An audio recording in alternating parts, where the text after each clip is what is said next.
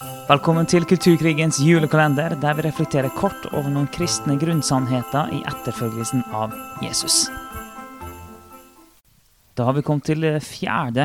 desember, og i dag skal vi snakke om synd og erkjennelse. Ja, synd er jo blitt et ganske upopulært ord eh, de siste ti årene, må man kunne si. Mm. Eh, ble det snakket for mye om synd i gamle dager? Jeg vet ikke. Men eh, vi kommer jo ikke utenom ordet synd når vi skal snakke om den kristne tro. Mm. Nei, vi gjør ikke det. Og um, det er jo litt sånn uten Om, om det ikke finnes synd, så uh, finnes det heller ingen frelse. For frelsen er jo til, er der jo for å På grunn av synden. Og så hvis ikke det er synd, så er det egentlig ikke noe syndefall. Og, det, og når vi sier det på den måten, så høres det jo ut som at vi synes synd er bra. Men poenget er jo det at det er, eh, det er jo nettopp, som vi skriver i tittelen her, synd og erkjennelse. Det er jo erkjennelsen av synden vår som er så utrolig nødvendig. Jepp. Og eh, bare for å forklare i starten, hva er det vi snakker om egentlig når vi, når vi kaller noe synd? Gud, han eh, står Gud synder ikke. Synd er på mange måter å handle motsatt av Guds natur. Alt det Gud er, det er godt. Eh, det Gud skapte, var godt. Og Gud har eh, visse si, karaktertrekk. Og det er da per definisjon positivt. Eh, han blir kalt lys, og det motsatte han er mørke. Han er rettferdig, han er hellig.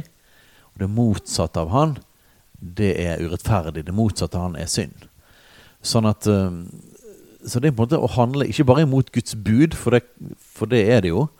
Men alle Guds bud, eller det han sier er rett og galt, det er jo på en måte ut ifra hvem han er.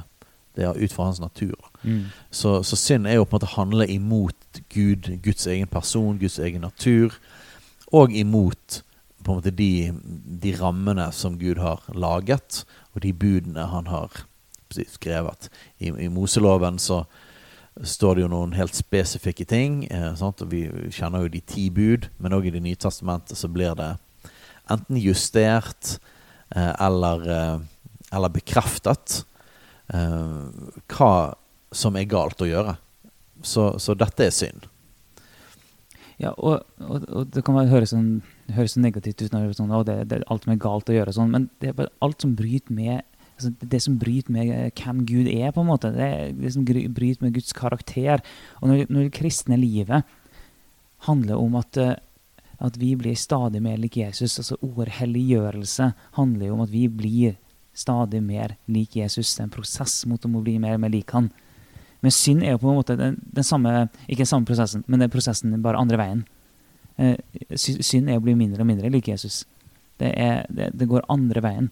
Så det kristne livet det handler om å handle og leve mer og mer i Den hellige ånds kraft, som Jesus. Og så kommer synd inn, inn i livet og drar oss andre veien.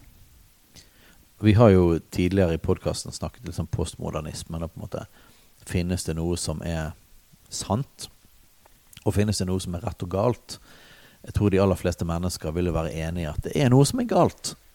Men det er sikkert ikke alle som klarer å begrunne hvorfor de mener noe er galt.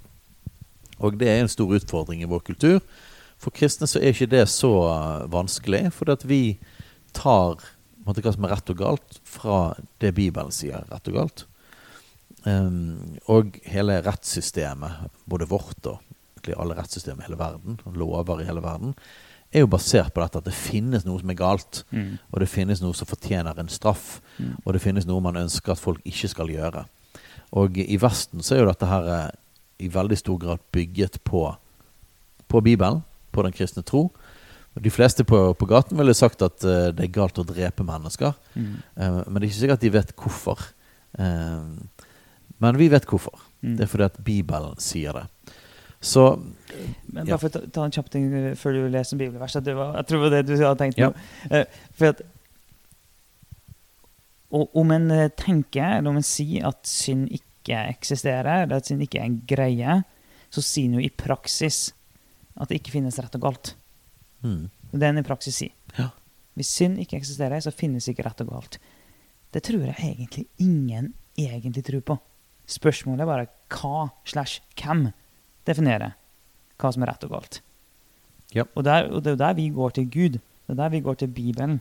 Og Bibelen gir oss definisjonen på hva som er rett og galt. Og det som er galt, det er synd. Så noen bibelvers på dette, da. Romane 6, 23. Der står det at for syndens lønn er døden, men Guds nådegave er evig liv i Kristus Jesus vår Herre. Så syndens lønn er døden. Konsekvensene av synd, ifølge Bibelen, er at vi ødelegger oss sjøl. Vi går utenfor den gode rammen Gud har skapt for vårt liv, og det vil ikke være bra for oss. Synd vil Det, det skiller Det gjør at vi, vi, ikke kan ha en relasjon med Gud, for Gud er hellig, Gud er rettferdig. Eh, og syndens konsekvenser er, er, døden og masse negative ting, som Bibelen også beskriver. Og til slutt så betyr det å leve fortsatt i sin synd, å være i sin synd, betyr at vi får en dom som er at vi får en evig fortapelse vekk fra Gud. Mm. Det er vår tilstand. I Romane 3 står det beskrevet en del dette om synd. I, I, starten her så står det om at det finnes ikke én rettferdig, ikke en en.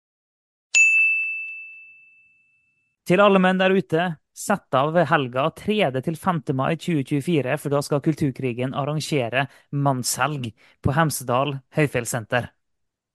Da skal vi gå inn i eh, mannstematikk koblet til kulturkrigen. Altså, hvordan er det å være mann i denne krigen vi står i i samfunnet, og hva er faktisk vårt ansvar og vår rolle? Så hvis du syns det er interessant, og hvis du liker å høre på denne podkasten her, så går du til fjells.no og melder deg på mannshelg med Kulturkrigen 3. til 5. mai. Gjør det Vel. nå.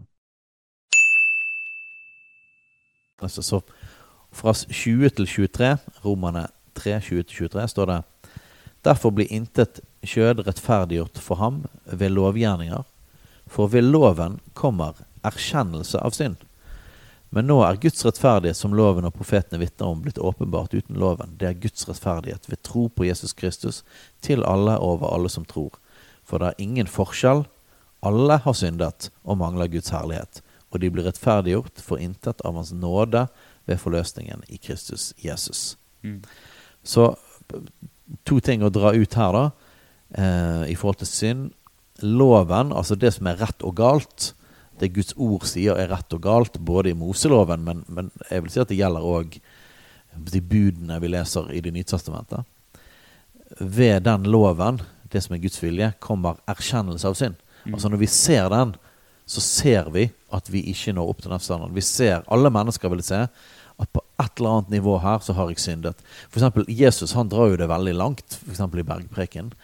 Der han ikke bare snakker om handlinger, men han snakker til og med om motivasjoner og tanker. Um, og da blir det helt tydelig og klart, hvis du leser Bergpreken, at uh, jeg har syndet, og alle har syndet. Og videre så står det jo nettopp det, for det er ingen forskjell, for alle har syndet og mangler Guds herlighet. Så lovens hensikt er ikke først og fremst bare at vi skal begynne å gjøre det rette, men først og fremst er den for at vi skal skjønne at vi ikke får det til, mm. og at vi trenger Jesus. Det skal tvinge oss til en erkjennelse, rett og slett. Ja. Og det er Jeg vet ikke Jeg tror alle har opplevd at um, du, uh, du, føler deg forulempa av et eller annet, av en person. Og så skal personen på en måte gi en slags eh, unnskyldning, beklagelse, et eller annet, og så merker du at den ikke er ekte. Og hva er det du som regel merker det på? Jo, du kjenner på at det er ikke en erkjennelse fra personen om at det egentlig var galt. Eller, det, eller eventuelt det er ikke en erkjennelse av at det var så galt. Mm. Og det er, gjerne, det er veldig ofte det, da, at det blir litt som bagatellisert. Så det, måte, synden i hermetegn da, blir redusert. Så det, mm. Den manglende erkjennelsen det gjør at du merker at det her er ikke ekte. Og det, det der er en helt sånn reell ting. Og i livet med Gud òg. Vi må ha en reell, full erkjennelse av vår håpløse tilstand, av vår tilstand i synd. Og da kan vi få den tilgivelsen. Og det er um, litt folkelig sagt, kan du, kan du si at vi får tilgivelse for den synden vi erkjenner. Og vi, derfor må vi erkjenne alt. Og Derfor er det så viktig å snakke om synd, og det er viktig å snakke om, om Guds rammer. Om hva som er galt, og hva som er rett. Fordi at det tar oss til et, et, sted av ydmykhet. Det tar oss til et sted av å innrømme og erkjenne at jeg trenger nåde. Jeg trenger tilgivelse. Et bibelvers som eksisterer i hytt og pine, det er at Gud står de stolte imot, men de ydmyke gir han nåde. Mm. Og Erkjennelse handler tror jeg, dypest sett om ydmykhet. Å ikke forherde hjertet sitt, men om ydmyke seg for Gud og innrømme at det trenger han. Og det er fantastisk for alle som gjør det. Alle som kommer til Gud, som kommer til Jesus og innrømmer at de har syndet og trenger nåde. De får nåde. De får tilgivelse for sin synd. Men veldig mange har lyst til at nåden skal fungere sånn at eh, du får nåde på tross av innrømmelse og erkjennelse. At nåden bare er en slags automatikk Mm. fordi at Gud elsker oss. Men denne biten erkjennelse av synd er Mm. faktisk helt essensiell. Og dette lærer vi jo til og med barna i barnehagen. Ja. Vi sier liksom 'gå og si unnskyld'. Nei, jeg vil ikke. Ja, unnskyld. Så vil vi Så vi syns ikke det er nok. Mm. For da skal du få forsoning. Så må, du, så må du erkjenne, så må du innrømme, så må du ydmyke deg. Og Ja. da kan du få en gjenopprettelse Ja. i hjertekontakten, gjenopprettelse i relasjon. Og sånn er det med Gud. Gjennom Jesu blod, hans død på korset, som vi snakket om eh, eh, sist gang, og, og, og gangen før det igjen, hans død oppstandelse, så fins det tilgivelse for all synd. Men vi må innrømme det. Mm. Vi må erkjenne det. Og det betyr òg å innrømme at alt det han sier er galt, faktisk er galt. Ja. Vi kan ikke utelate noen av de tingene. Bra. Og da har vi brukt opp tida vår. Så da gir vi oss i dag.